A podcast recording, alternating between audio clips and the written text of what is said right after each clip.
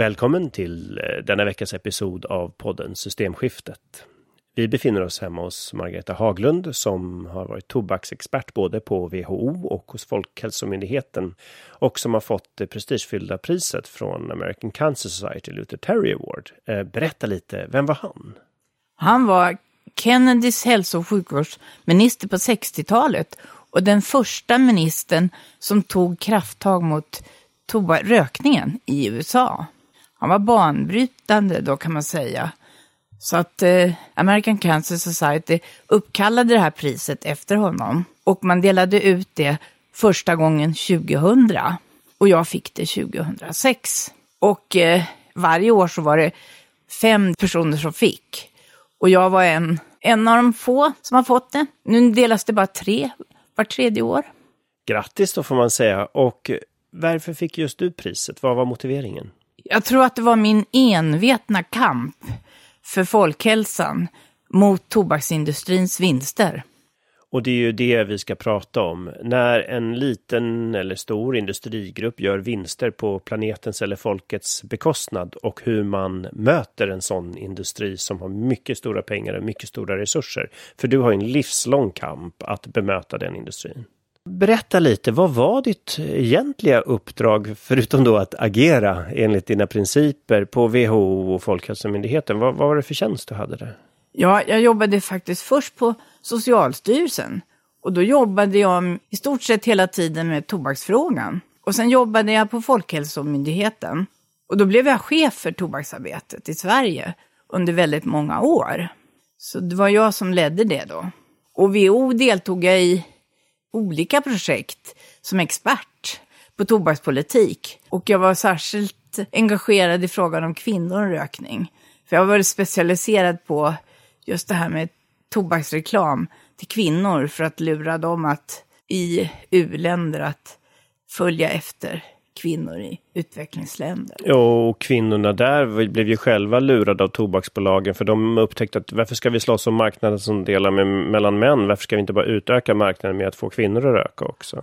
Så jag har ju varit, rest världen runt och sagt åt länder, medelinkomstländer och låginkomstländer att man ska börja jobba med kvinnorna och stötta dem innan det blir ett problem, som till exempel Sverige när jag började jobba för bättre folkhälsa på 70-talet med utbildningar och nyckelgrupper så såg jag att det fanns väldigt bra förslag hur man skulle motverka tobaksbruket. Men de realiserades aldrig politiskt. Du menar att riksdagen inte röstade för Nej, regeringen gjorde ingenting? de kom inte fram. Redan i början på 70-talet så föreslog Socialstyrelsen en rökfri generation av de som var född 1975.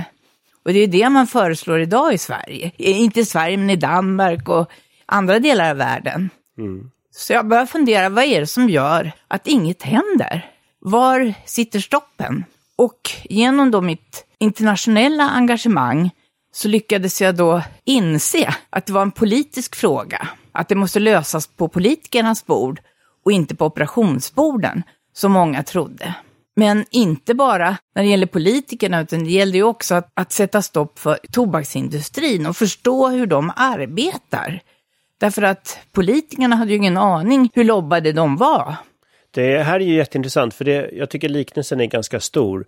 Du insåg att det var dyrt och svårt och stort lidande att behandla tobaksindustrins effekter i efterhand, precis som nu klimat och oljeindustrin och att förstå vad det är för krafter som hindrar oss från att ta de åtgärder vi behöver. Och när du då tittade på tobaksindustrin, du märkte själv att information enbart räcker inte utan det måste till någonting mer. Vad, vad var det som låg bakom det?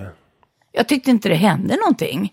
Jag tyckte liksom att vi kom med förslag och det var nya personer som utbildades, men vi fick inte de där nödvändiga åtgärderna som till exempel reklamförbud och prishöjningar som jag tyckte var självklara för att göra det mindre attraktivt då att använda produkterna.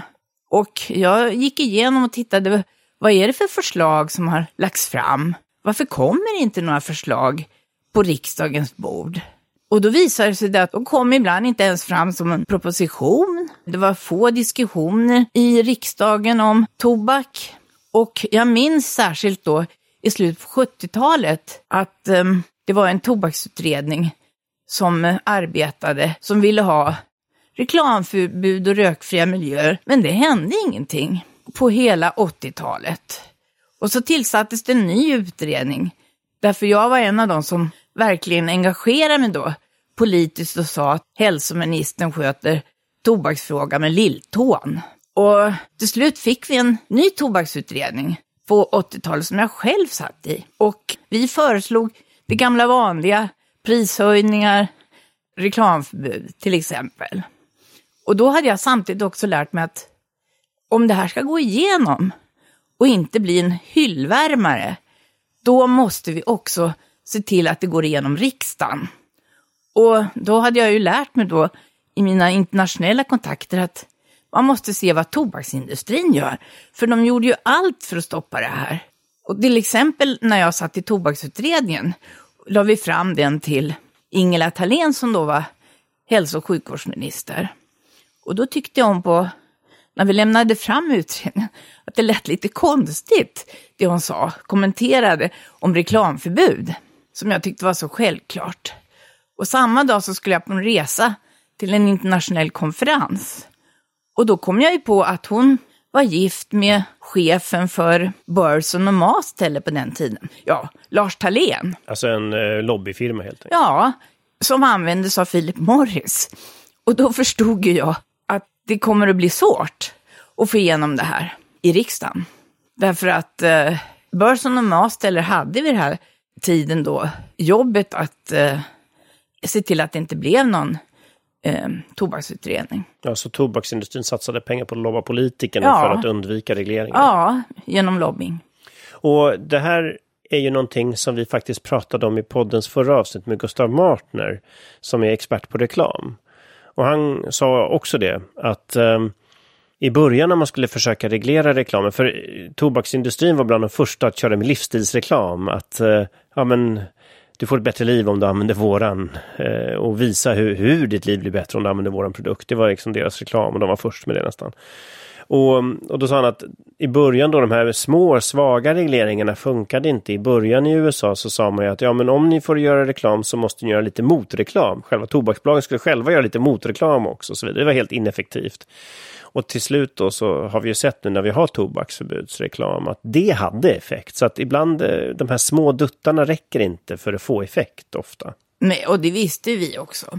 Och eh, det var ju faktiskt så att den här utredningen, tobaksutredningen, det är, en, det är exempel på en utredning som verkligen har genomförts sen efter att den lades fram, vilket jag är väldigt stolt över. Det blev ingen hyllvärmare. Och eh, varför den gick igenom, det tror jag beror på att det var ju lite ovanligt kanske att de som satt i tobaksutredningen, experterna, representerande olika myndigheter, gjorde vad de kunde för att se till att den gick igenom riksdagen. Så du menar att utredningen, de som var med i utredningen nöjde sig inte med att bara ge regeringen ett papper, de fortsatte arbeta för att det pappret skulle bli verklighet? Ja, vi var besjälade av det.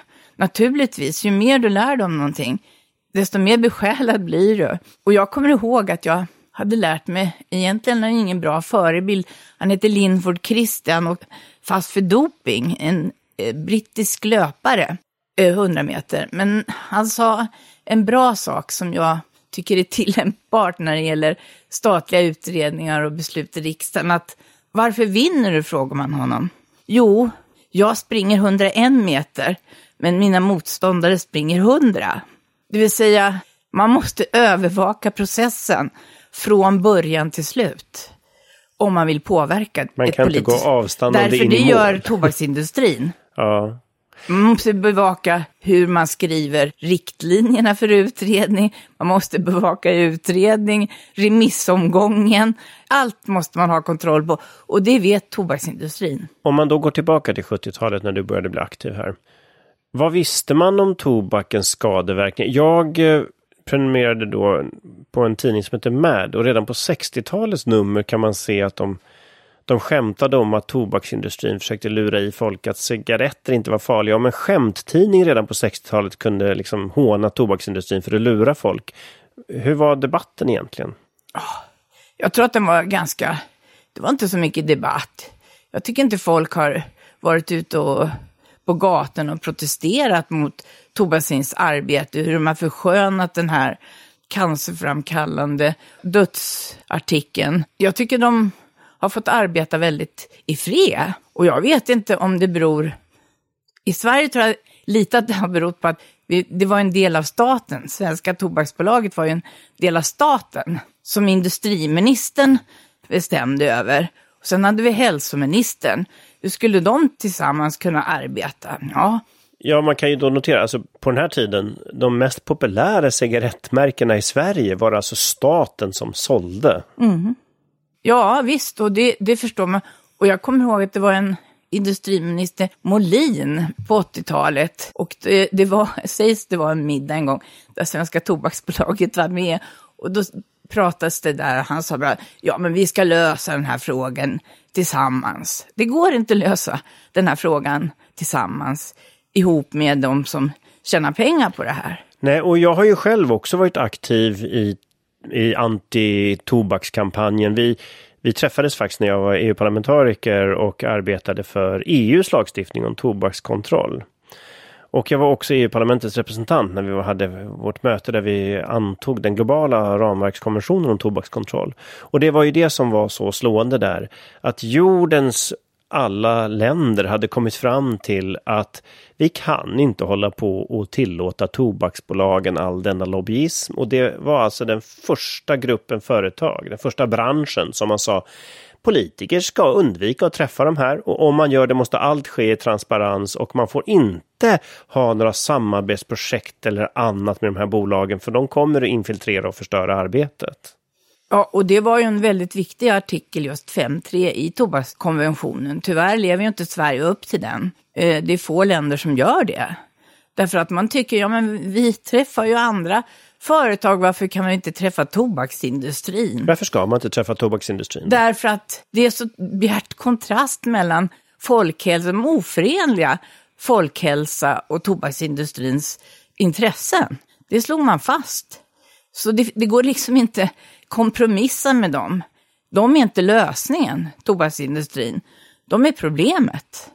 Och de måste man begränsa så långt som möjligt. Fasa ut. Och det är då, just nu har ju vi Greenpeace en kampanj för reklamförbud för fossilbolagen, för vi ser en ganska stor likhet. När tobaksbolagen förstörde folkhälsan så var vi för sena och för långsamma och för mesiga. Och detsamma gäller då oljeindustrin som nu förstör jordens hälsa så att säga. Och då är vi också för sena och för långsamma. Så att jag tycker vi kan lära oss mycket av kampen mot tobaksindustrin när vi ska ta nästa strid. Ja, alltså, och när man arbetar då som, som jag och med folkhälsa och Greenpeace med miljöfrågor så måste man vara jäkligt, förlåt uttrycket, envis och uthållig. och inte rädd. Därför att jag har ju många gånger varit ganska ensam. Jag har ju kommit i trubbel också. Som statstjänsteman blev jag ju anmäld till JO. För vad då? Ja, därför att, att jag då inte agerade neutralt som man tyckte från tobaksindustrin. Att jag var ledare för en internationell konspiration med syfte att krossa tobaksindustrin. Och det kan man väl säga att jag var. Ja, jag skulle nog säga att det är en hedervärd titel, men var inte det ditt uppdrag om du jobbade med folkhälsa åt statens räkning? Är det inte ditt uppdrag att krossa tobaksindustrin? Jo, det var ju mitt uppdrag. Jag blev ju frikänd. Men eh, jag såg mer det här hotet som att det tog ju tid att svara. Jag skulle då försvara mig. Det där är faktiskt en inarbetad teknik hos tobaksbolagen. Att i rättsprocesser försena och förhala och fördröja och försvaga och splittra kampen mot deras industri. Det är ja. en medveten taktik de använder. Eh, de, de hotar, de har hotat, jag tror det var Ghana de hotade, när Ghana ville införa, de har ju problem med att inte alla kan läsa där. Och då ville de ha stora fina bilder, eller fula bilder på cigarettpaketen som skulle varna folk för hur farligt det var.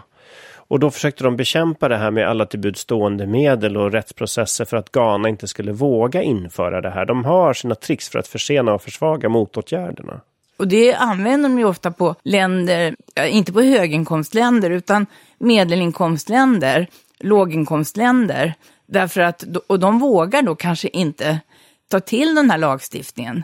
Därför att man sen måste försvara sig i domstolar. Ja, och inte bara i vilka domstolar som helst. Det är ju ofta då eh, tobaksbolagen använder internationella handelsavtal där de själva i princip kan välja vilket handelsavtal de vill använda. Och eh, länder med ganska svag statlig ekonomi vågar inte ta striden för de här processerna kan bli rekorddyra. Och där är vi glada för att Australien har drivit det här med neutrala paket eller reklamfria tobaksförpackningar. Ja, det var en enorm process där, Ja. där eh, tobaksbolagen använde, de, de bytte huvudkontor för att kunna utnyttja sådant handelsavtal, Mm. eller hur? Kan du berätta lite mer om den? För jag var själv inblandad i den där kampen också, minns jag. Ja, men de flyttade ju till Hongkong. Och där hade de någon, eh, de hade något eh, bilateralt avtal Australien med Hongkong.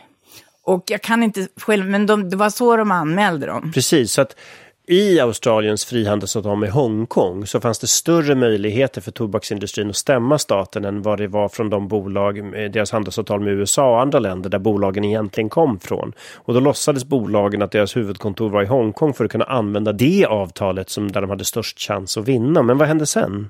Ja, jag tycker vi ska gå tillbaka lite, för det var många strider här. Därför att det började redan på hemmaplan. Det var ju Australiens hälso och sjukvårdsminister som var så modig, som eh, Nicola Roxon, som införde det här. Och sen blev det ju då ett fall för Högsta domstolen.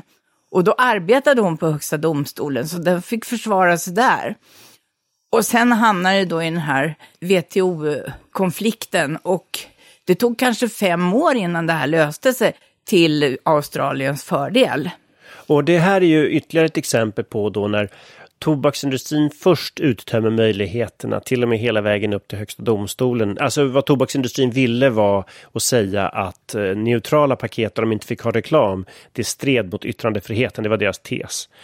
Eh, och ehm, när de förlorade då så använde de det här internationella handelsavtalet med Hongkong. Och även om tobaksbolagen inte trodde att den skulle vinna så får en sån rättsprocess effekt. Dels genom att skrämma ekonomiskt svagare länder från att överhuvudtaget göra någonting. Men också Irland och UK och flera andra länder som var på väg att fatta liknande beslut avvaktade då det här beslutet i domstolen där så att de försenade flera andra länders lagstiftning här. Ja, och så paralyserar de arbetet då där konflikten var, därför att de fick försvara sig. I Sverige tycker jag vi har ett konstigt fall. Det är ju så att vi har inte fått i det här landet, konstigt nog, trots att Danmark har beslutat och, och Finland nyligen beslutat och Norge infört de här neutrala förpackningarna, så har inte vi det i Sverige. Och där har man kommit fram till juridiskt att vi på grund av vår tryckfrihetsförordning inte skulle kunna införa det här. Och det är så märkligt, för hur kan tobaksindustrin vara skyddad av vår tryckfrihetsförordning från att tvingas ha varningsbilder på paketen? Ja, alltså tobaksindustrins jurister hävdar då att tryckfrihetsförordningen eh, då, som också då ska gälla förpackningar och då ska de få säga vad de vill på dessa förpackningar. Men det stämmer ju faktiskt inte för i våra lagar kring marknadsföringslagen, där står det att man kan ha begränsningar. Så att det finns ju redan ett eh, specifikt lagrum att begränsa kommersiell eh, information. Ja, och det, det som saknas är ju mod bland de som ska lägga fram det här förslaget och försvarare. det. Det är för det är så absurt att låta tobaksindustrins sätt att tolka, för den har ju fått fotfäste även inom andra juridisk, alltså inom juridiska instanser, till att man inte lägger fram något förslag. Och då, det har de, de har ju lyckats bromsa det här nu i, ända sedan förslaget kom upp.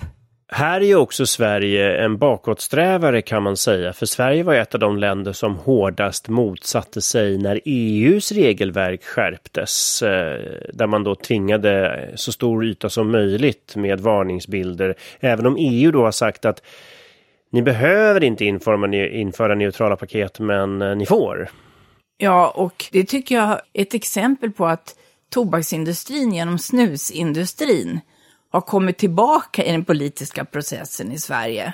De har kommit in och de är, man lyssnar mera på dem. Och sen kan vi väl avfärda en gång för alla då argumentet om att snusindustrin sänker rökningen.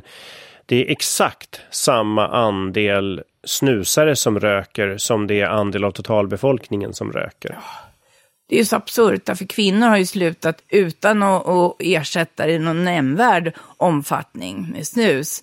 Och, men problemet idag är att det kommer nya produkter, som det här så kallade tobaksfria snuset, det vita snuset, som eh, inte inkluderas i den lagstiftning vi har. Och de har dessutom lägre skatt och föreslås behålla det. Så att jag menar, man har inte, jag kan inte annat än tro att eh, snusindustrin har ganska goda kontakter med politiker i riksdagen i alla fall. Och politiska partier. Ja, vi har ju ett exempel när en i styrelsen för Swedish Match sitter också i styrelsen för landstingets eh, folktandvård. Eh, mm. Det är ju inte någon lyckad kombination. Det är faktiskt i direkt strid med ramverkskonventionen för tobakskontroll. Där får man inte göra så. Nej, men eh, de har verkligen inflytande och det har ökat de senaste åren, tycker jag. Om man tittar på um, globalt då, så ser vi ju faktiskt att de rikare ekonomierna i världen faktiskt eh, gradvis reglerar tobak. Du tog eh, exempel nu från Norden, men det är ju flera andra länder som också har gått vidare med hårdare tobaksreglering. Australien till exempel är bra där. Men vad gör tobaksindustrin i Afrika och Kina till exempel? Och de mutar politiker, det är deras favorithobby. Nej, men det gör de mycket, tyvärr de har ju lyckats stoppa i vissa länder, men, men många länder ändå i Afrika har ju en väldigt restriktiv hållning mot tobaken. Så jag ska inte säga det, men där de lyckas så handlar det väldigt mycket om muta. Ja, och också det kändes som en tidsresa. Nu var det i och för sig ganska länge sedan, men eh, jag tror det var 14 år sedan jag var i Uganda på ett möte där. Och eh, då fanns det en livsstilsmagasin och då var det en bild på en slank, smal kvinna och så moderna framgångsrika kvinnor röker och så det där cigarettmärket då. Att det var precis som på 50-talet. Eh, den typen av reklam prackar man nu på i eh, Afrika istället. Då. Det är ju tobaksindustrin använder sina gamla metoder och sen anpassar de till där utvecklingen är i ett land. Så jag menar om kvinnorna liksom håller på att börja röka i ett land så ser, ser det ut som det gjorde i kanske USA på 30-40-talet, marknadsföringen. Och så länge de inte har reklamförbud, så då har de ju möjlighet att marknadsföra sig. Men i och med sociala medier då, så kommer de ju eh, väldigt nära de blivande kunderna tyvärr. Mm, men eh, det kan vara värt att minnas då den här ramverkskonventionen för tobakskontroll. Det är en unikt hård reglering av en industri där politiker inte ska påverkas av den, där man ska sträva efter att minimera de här bolagens möjligheter till kommunikation. Och i EU har vi ju sett att det här att tobaksbolag startade klädmärken och annat för att smygmarknadsföra sig, det är ju inte heller tillåtet idag. Men alltså den här konventionen är jättebra på alla sätt och vis. Om länderna följer den. Ja, precis. Det är det som är problemet. De, de följer den inte. Och det finns inga sanktionsmedel mot de som inte följer den heller. Till skillnad från andra konventioner, där till exempel barnrättskonventionen, där länderna kallas in då och man diskuterar med dem om de inte lever upp till vissa artiklar. Men det finns ingen sån mekanism i tobakskonventionen. Och det vet säkert också tobaksindustrin. Så om vi ska designa då, dels lära oss av misstagen från kampen mot tobaksindustrin, men designa någonting för till exempel oljeindustrin, så är det viktigt att vi inte bara gör rätt texter och rätt avtal, utan att vi också inför rätt sanktionsåtgärder, annars riskerar de att bli tandlösa. Ja, att man följer upp, mm. att det finns hårda eh, uppföljningsmekanismer i avtalet. För annars blir det som i tobakskonventionen. Man presenterar en rapport. Så här ser det ut då bland alla länder som har redovisat i år. Men det hjälper inte om de inte får några sanktioner. Om man tittar på, du berättar ju svårigheterna med att få politiker att fatta beslut. Om vi vänder på det istället och tittar på Australien. Hur kommer det sig att de blev föregångare för neutrala paket? Vad var det för drivkrafter som fanns där? Jag vet inte, men jag tror att det handlar om på den kontinenten överhuvudtaget väldigt starka kvinnor. När det gäller Australien, att de fick denna tuffa lagstiftning, det beror på att de hade en hälso och sjukvårdsminister som hette Nicola Roxon. Hennes pappa fick lungcancer på grund av rökning. Det är klart att hon var besjälad av att göra någonting. Och sen kommer jag ihåg, det var i och för sig inte i Australien, men Nya Zeeland så hörde jag ett tal redan på 1990. Och då var det en kvinna som var hälso och sjukvårdsminister. Och hon sa så här, att om inte hälso och sjukvårdsministern tar fighten i regeringen för tobakslagstiftning, då händer ingenting i ett land. Hon hette Helen Clark. Och det var så vist och sant. Och det kände jag också, det har jag alltid burit med mig. Att det är väldigt viktigt att den här eldsjälen också finns inom de beslutande organen. Du har refererat ett par gånger till eldsjälar och envishet. Eh, finns det något exempel där folklig opinion har ändrat tobakslagstiftningen eller är det mer beroende av experter och, och så? Du vet, folklig opinion. En är liksom eh, en dåre. Två är konspiration och tre eller flera allmän opinionsyttring. Det behövs inte så många, skulle jag vilja säga. Jag var ju med och inspirerade till Läkare mot tobak, sjuksköterskor mot tobak, lärare mot tobak. Och de kände inte varandra, de här personerna som jag introducerar för varandra. Och de var ju mer än tre i varje förening. Och det har varit väldigt viktigt. Det är svårt för en enskild person. Sen brukar vissa säga att eldsjälar, ja, de har inte så stor betydelse. Men det tror jag.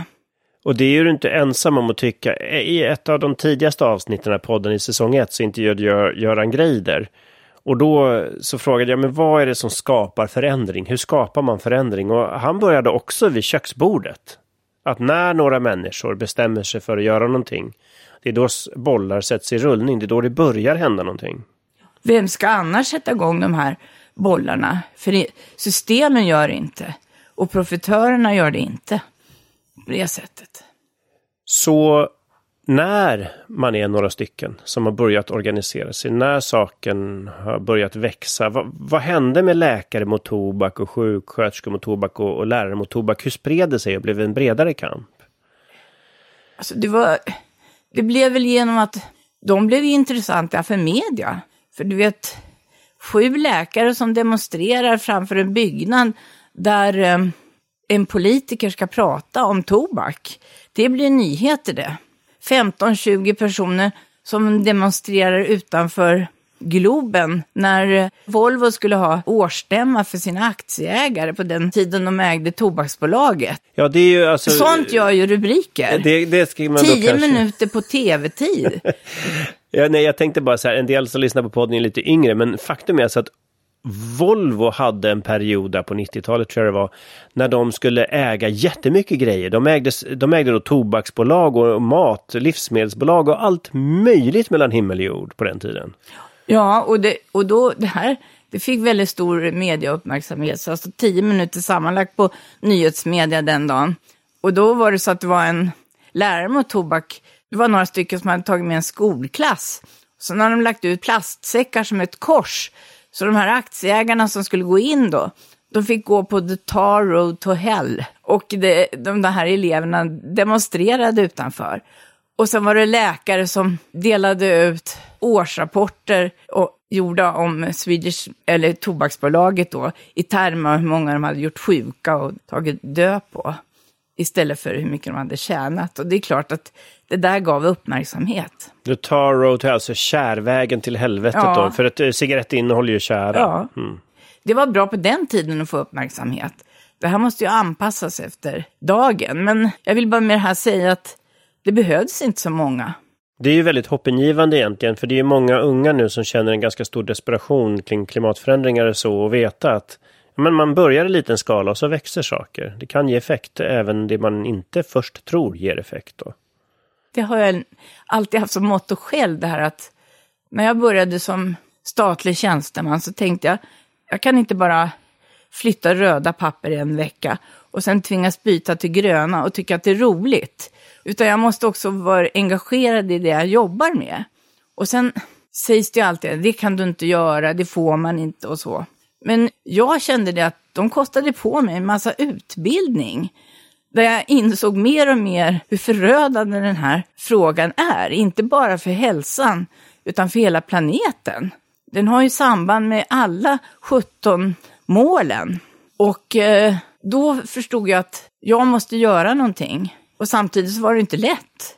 Men jag var så naiv så att jag kunde göra saker fast det kanske inte var gängse inom myndigheter. Och det ledde också till förändringar. Mm. Det är ju väldigt viktigt att varje människa har ett personligt ansvar att agera utifrån sin, utifrån sin kunskap och sitt mod. Och när du nämnde det här om att eh, tobaken har koppling till så många utvecklingsmål. Jag tycker vi ska beta av några av dem faktiskt. För jag själv blev väldigt påverkad när jag träffade ja, barn, skulle jag säga, som skördade tobak, som får en väldigt svår handsjukdom av giftet i bladen till exempel. Ja, jag menar det är väldigt många barn som jobbar på tobaksodling.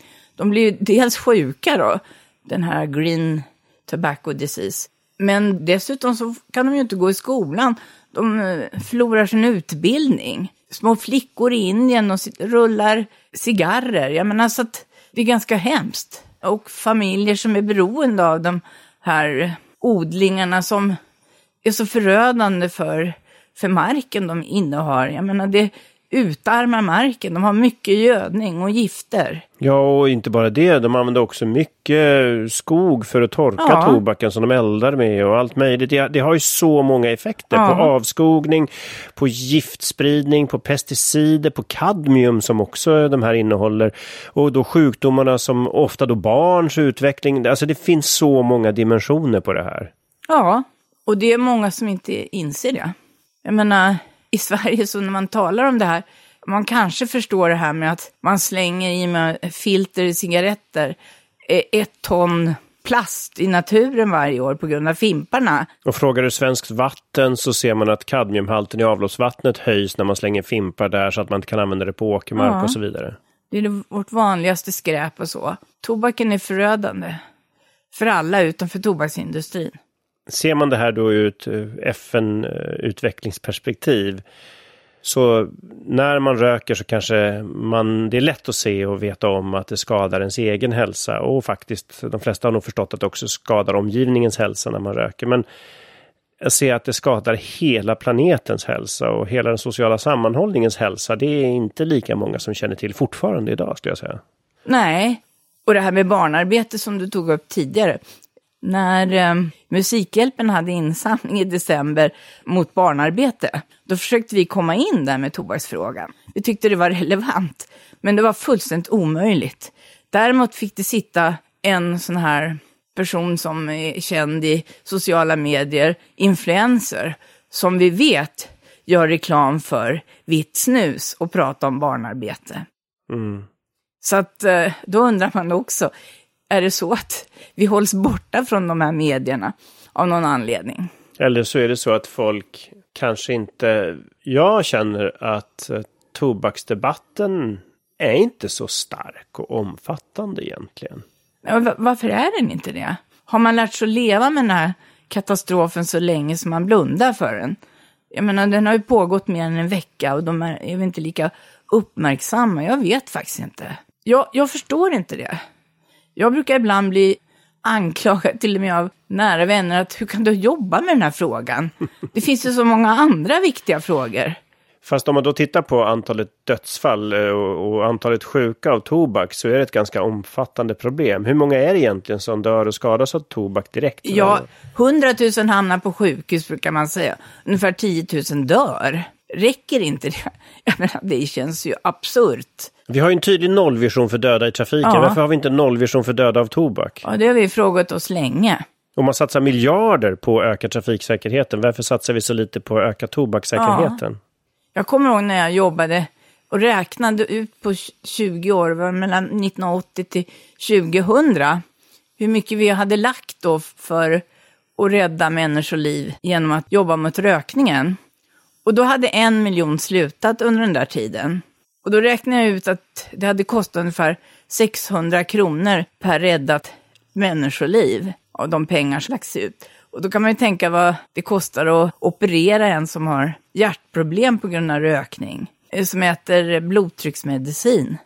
Det är ju hundratusentals kronor. Och inte bara i pengar utan även i livskvalitet. Ja. Hur mycket mindre livskvalitet man får av att inte kunna leva livet fullt ut som man hade tänkt sig. Ja, men nu, nu gav jag några kronor som ett exempel.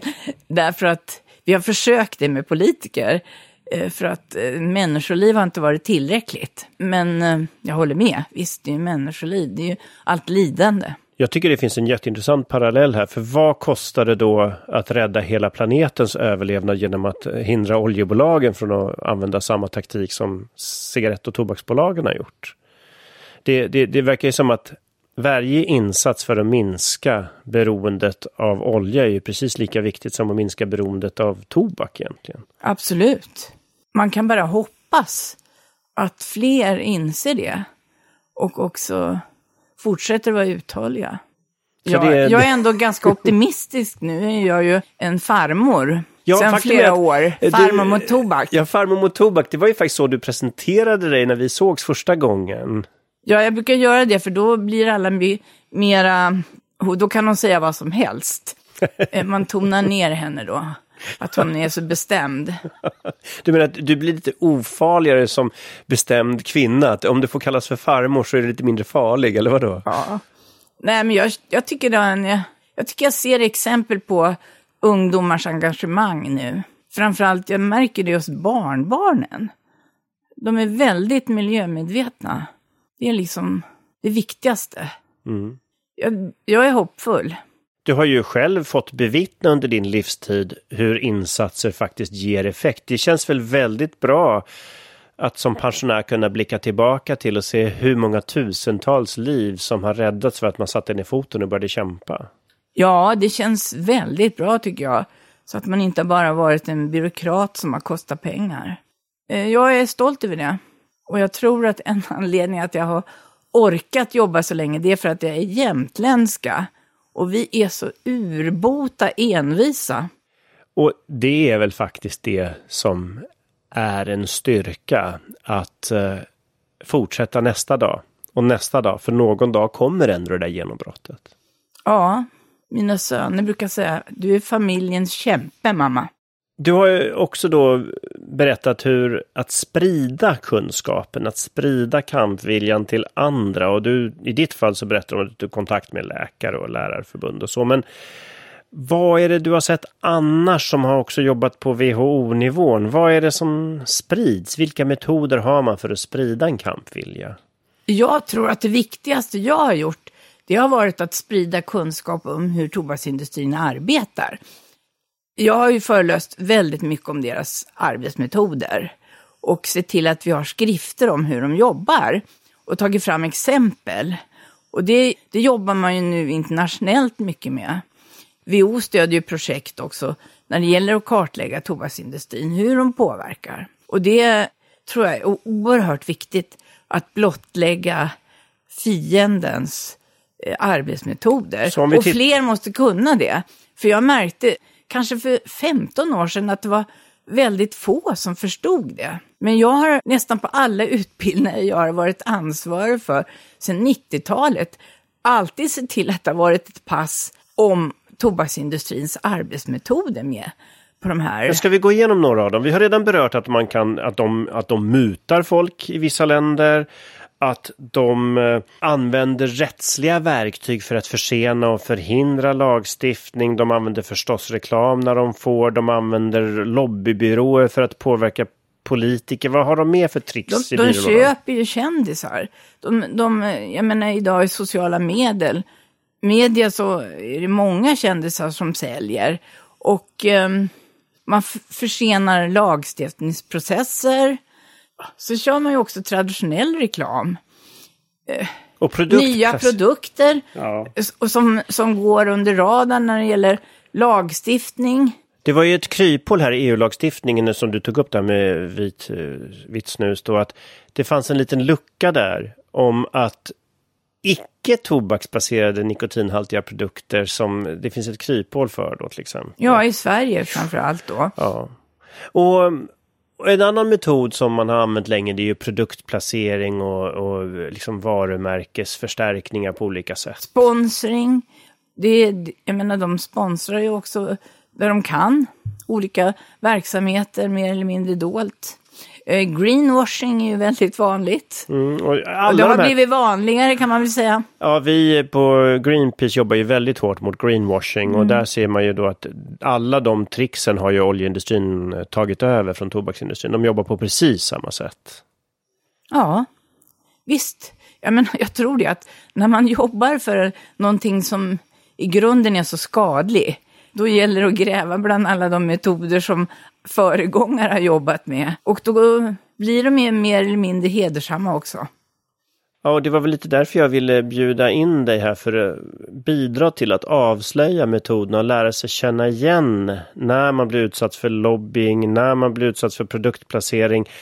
Framöver, om du tittar på en film och någon röker i den och det är inte framställt på ett negativt sätt, fundera på varför den finns med den där cigaretten, skulle jag rekommendera, till exempel bara. Jag gör alltid det. Jag tror aldrig att någonting är slumpen. Och jag tror inte heller att det är slumpen, det som står i tidningarna. Utan man placerar det vid ett lämpligt tillfälle. Som en eh, tidningsartikel. Det har jag sett exempel på. Ja, det är ju att skapa nyheter så att säga, att, att skapa nyheter på olika sätt eh, har man ju också ägnat sig åt. Att, eh, någonting som kanske inte direkt kopplas till tobaksindustrin men som då spiller över på dem. Eh, och sen har man någonting som heter astroturfing, det vill säga att man skapar fake-folkrörelser. Eh, jag kommer ihåg när jag höll på att reglera tobaksindustrin så mm, plötsligt så var det en massa som man kallade för kioskägare som började kampanja för att vi inte skulle ha reklamförbud hos dem. Och då visade det sig när vi granskade det här att hela rörelsen var skapad av ett av tobaksbolagens lobbyfirmor och centralstyrd från tobaksbolaget. Så det, var, det kallas för astroturfing när man har fake-folkrörelser då. Och det hade de i Sverige också. De startade något som hette Smoke Peace. Det var ju Burson och Masteller. Eh, det var i samband med att tobaksutredningen som jag var med då, som la fram sitt förslag på 90-talet. Och det här leddes av en gammal tv-journalist. Och de, och de hade väldigt mycket pengar, annonser. Nu snart får du inte läsa i parker om, om tobaksredningen får fortsätta till exempel. Du får inte gå ut och valla hunden. Sånt där. Jag menar, de förlöjligade oss. Och det var ganska kul, en gång så hade de en man som föreläste på en konferens i Älvdalen. Och det var väldigt initierat, för mannen i fråga verkade inte som han hade varit i Stockholm så många gånger, om jag får skämta lite. Och sen bad vi att få hans föredrag, för han läste ju till. Och då fanns det ett telefonfaxnummer längst upp. Och då tog vi reda på, då var det Birdson och Masteller som hade skrivit det här då. Just det, det där är ju också att använda, ja men idag använder man ju influencers för samma syfte då till exempel. Ja, det här var ett litet lantligt exempel från 1991. Ja, ja, då fax fortfarande var populärt. Ja. ja, men alltså, vi kan skämta om att det var otidsenligt idag, men samma taktik använder de definitivt. Att använda influencers eh, som man ger material till för att förändra opinioner. Ja, det gäller ju för dem att använda dem som, som har någon sätt att påverka. Så att, för de vill ju själv inte framträda. För de inser ju vad de säljer. Så de vill ju hålla sig lite i bakgrunden oftast och pratar via en annan person. Just det, en annan taktik som även oljebolagen har kopierat, det är det här med att ha fejkforskning. Att man har betalda forskare som producerar data som ska användas för att ifrågasätta det överväldigande bevis för att produkten är farlig. Det har ju oljeindustrin kopierat från tobaksindustrin också. Och de gjorde ju ett nytt försök här med, eh, som heter Smoke Free Foundation, Philip Morris, som startades då. Eh, och Det låter ju jättetrovärdigt att de skulle ha Ja, smoke-free. och chefen var då han som var tidigare chef tobaksarbete på WHO, Derek Jack, som var chef för det, men han har slutat nu. Och de gav ju forskningsbidrag då. Och det har vi ju sett i Sverige. Det var framförallt när det gäller att bagatellisera passiv rökningens skador. Det, det hade de flera sådana här så Ja, kallade fake-studier. Exakt, för jag har ju besökt ISPRA som är EUs centrala forskningscenter i norra Italien. Och då fick jag vara på deras rum där man undersökte exakt då hur partiklar rör sig i rum med rök. Och alla forskarna där var ju 100% övertygade om att passiv rökning var ett väldigt allvarligt problem.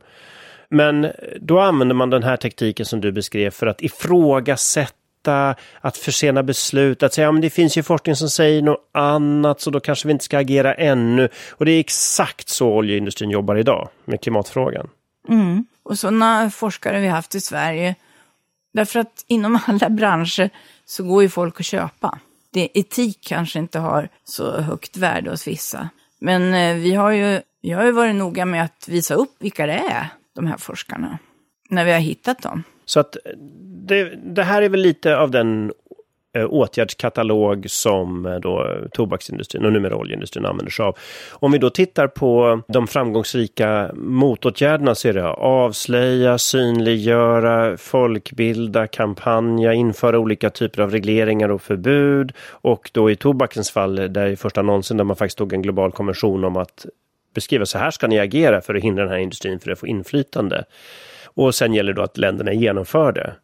Och sen en ny sak jag har lärt mig senaste åren som de är, det är att jobba med unga politiker som står på tur att komma till riksdagen. Därför att det gör tobaksindustrin. Och de har haft projekt via Timbro. Och tyvärr när jag hör vissa företrädare för vissa partier så låter det precis enligt tobaksindustrins skolböcker. Och det skapar ju lite Ja, och då är det alltså inte, för att förstå det här så handlar det inte om att de här unga ska lära sig att tycka om tobak utan ha en frihetsagenda där argumentationen förknippar tobak med frihet fastän det egentligen är exakt tvärtom. Tobak begränsar vår frihet att leva friskare. Ja, och ifrågasätta, ger det här verkligen något resultat? Just det, precis. Att det funkar det ens? Mm. Ja, exakt. Det, så att ifrågasätta forskning som visar vad som ger resultat och inte och då också koppla tobak till värden som kan vara mer generella också. Och är tobak så viktigt jämfört med andra? Ja, saker? precis. Och det är därför det var så kul att kunna ha dig här. För jag tycker tobak är viktigt, för det är ett av de mest onödiga industrierna som skadar människor allra mest per intjänad krona. Och att de tjänar som exempel på att avslöja andra ohållbara industrier som förgiftar oss och vår planet. Och det var väldigt kul att få ha det här samtalet med dig, Margareta. Tack att jag fick vara med. Och jag är fortfarande engagerad. Farmor mot tobak kan ni följa på Twitter. Ja, det var ett bra tips. Lite reklam får vi tillåta i vår podd när det känner ett så gott syfte. Men stort tack ska du ha och tack för din långa kamp också. Tack så mycket. Tack. Tack för att ni lyssnade på dagens program som gjordes av Greenpeace. Där producent är Alexia Fredén, ljudtekniker är Christian Åslund och värd är jag, Carl Schlyter.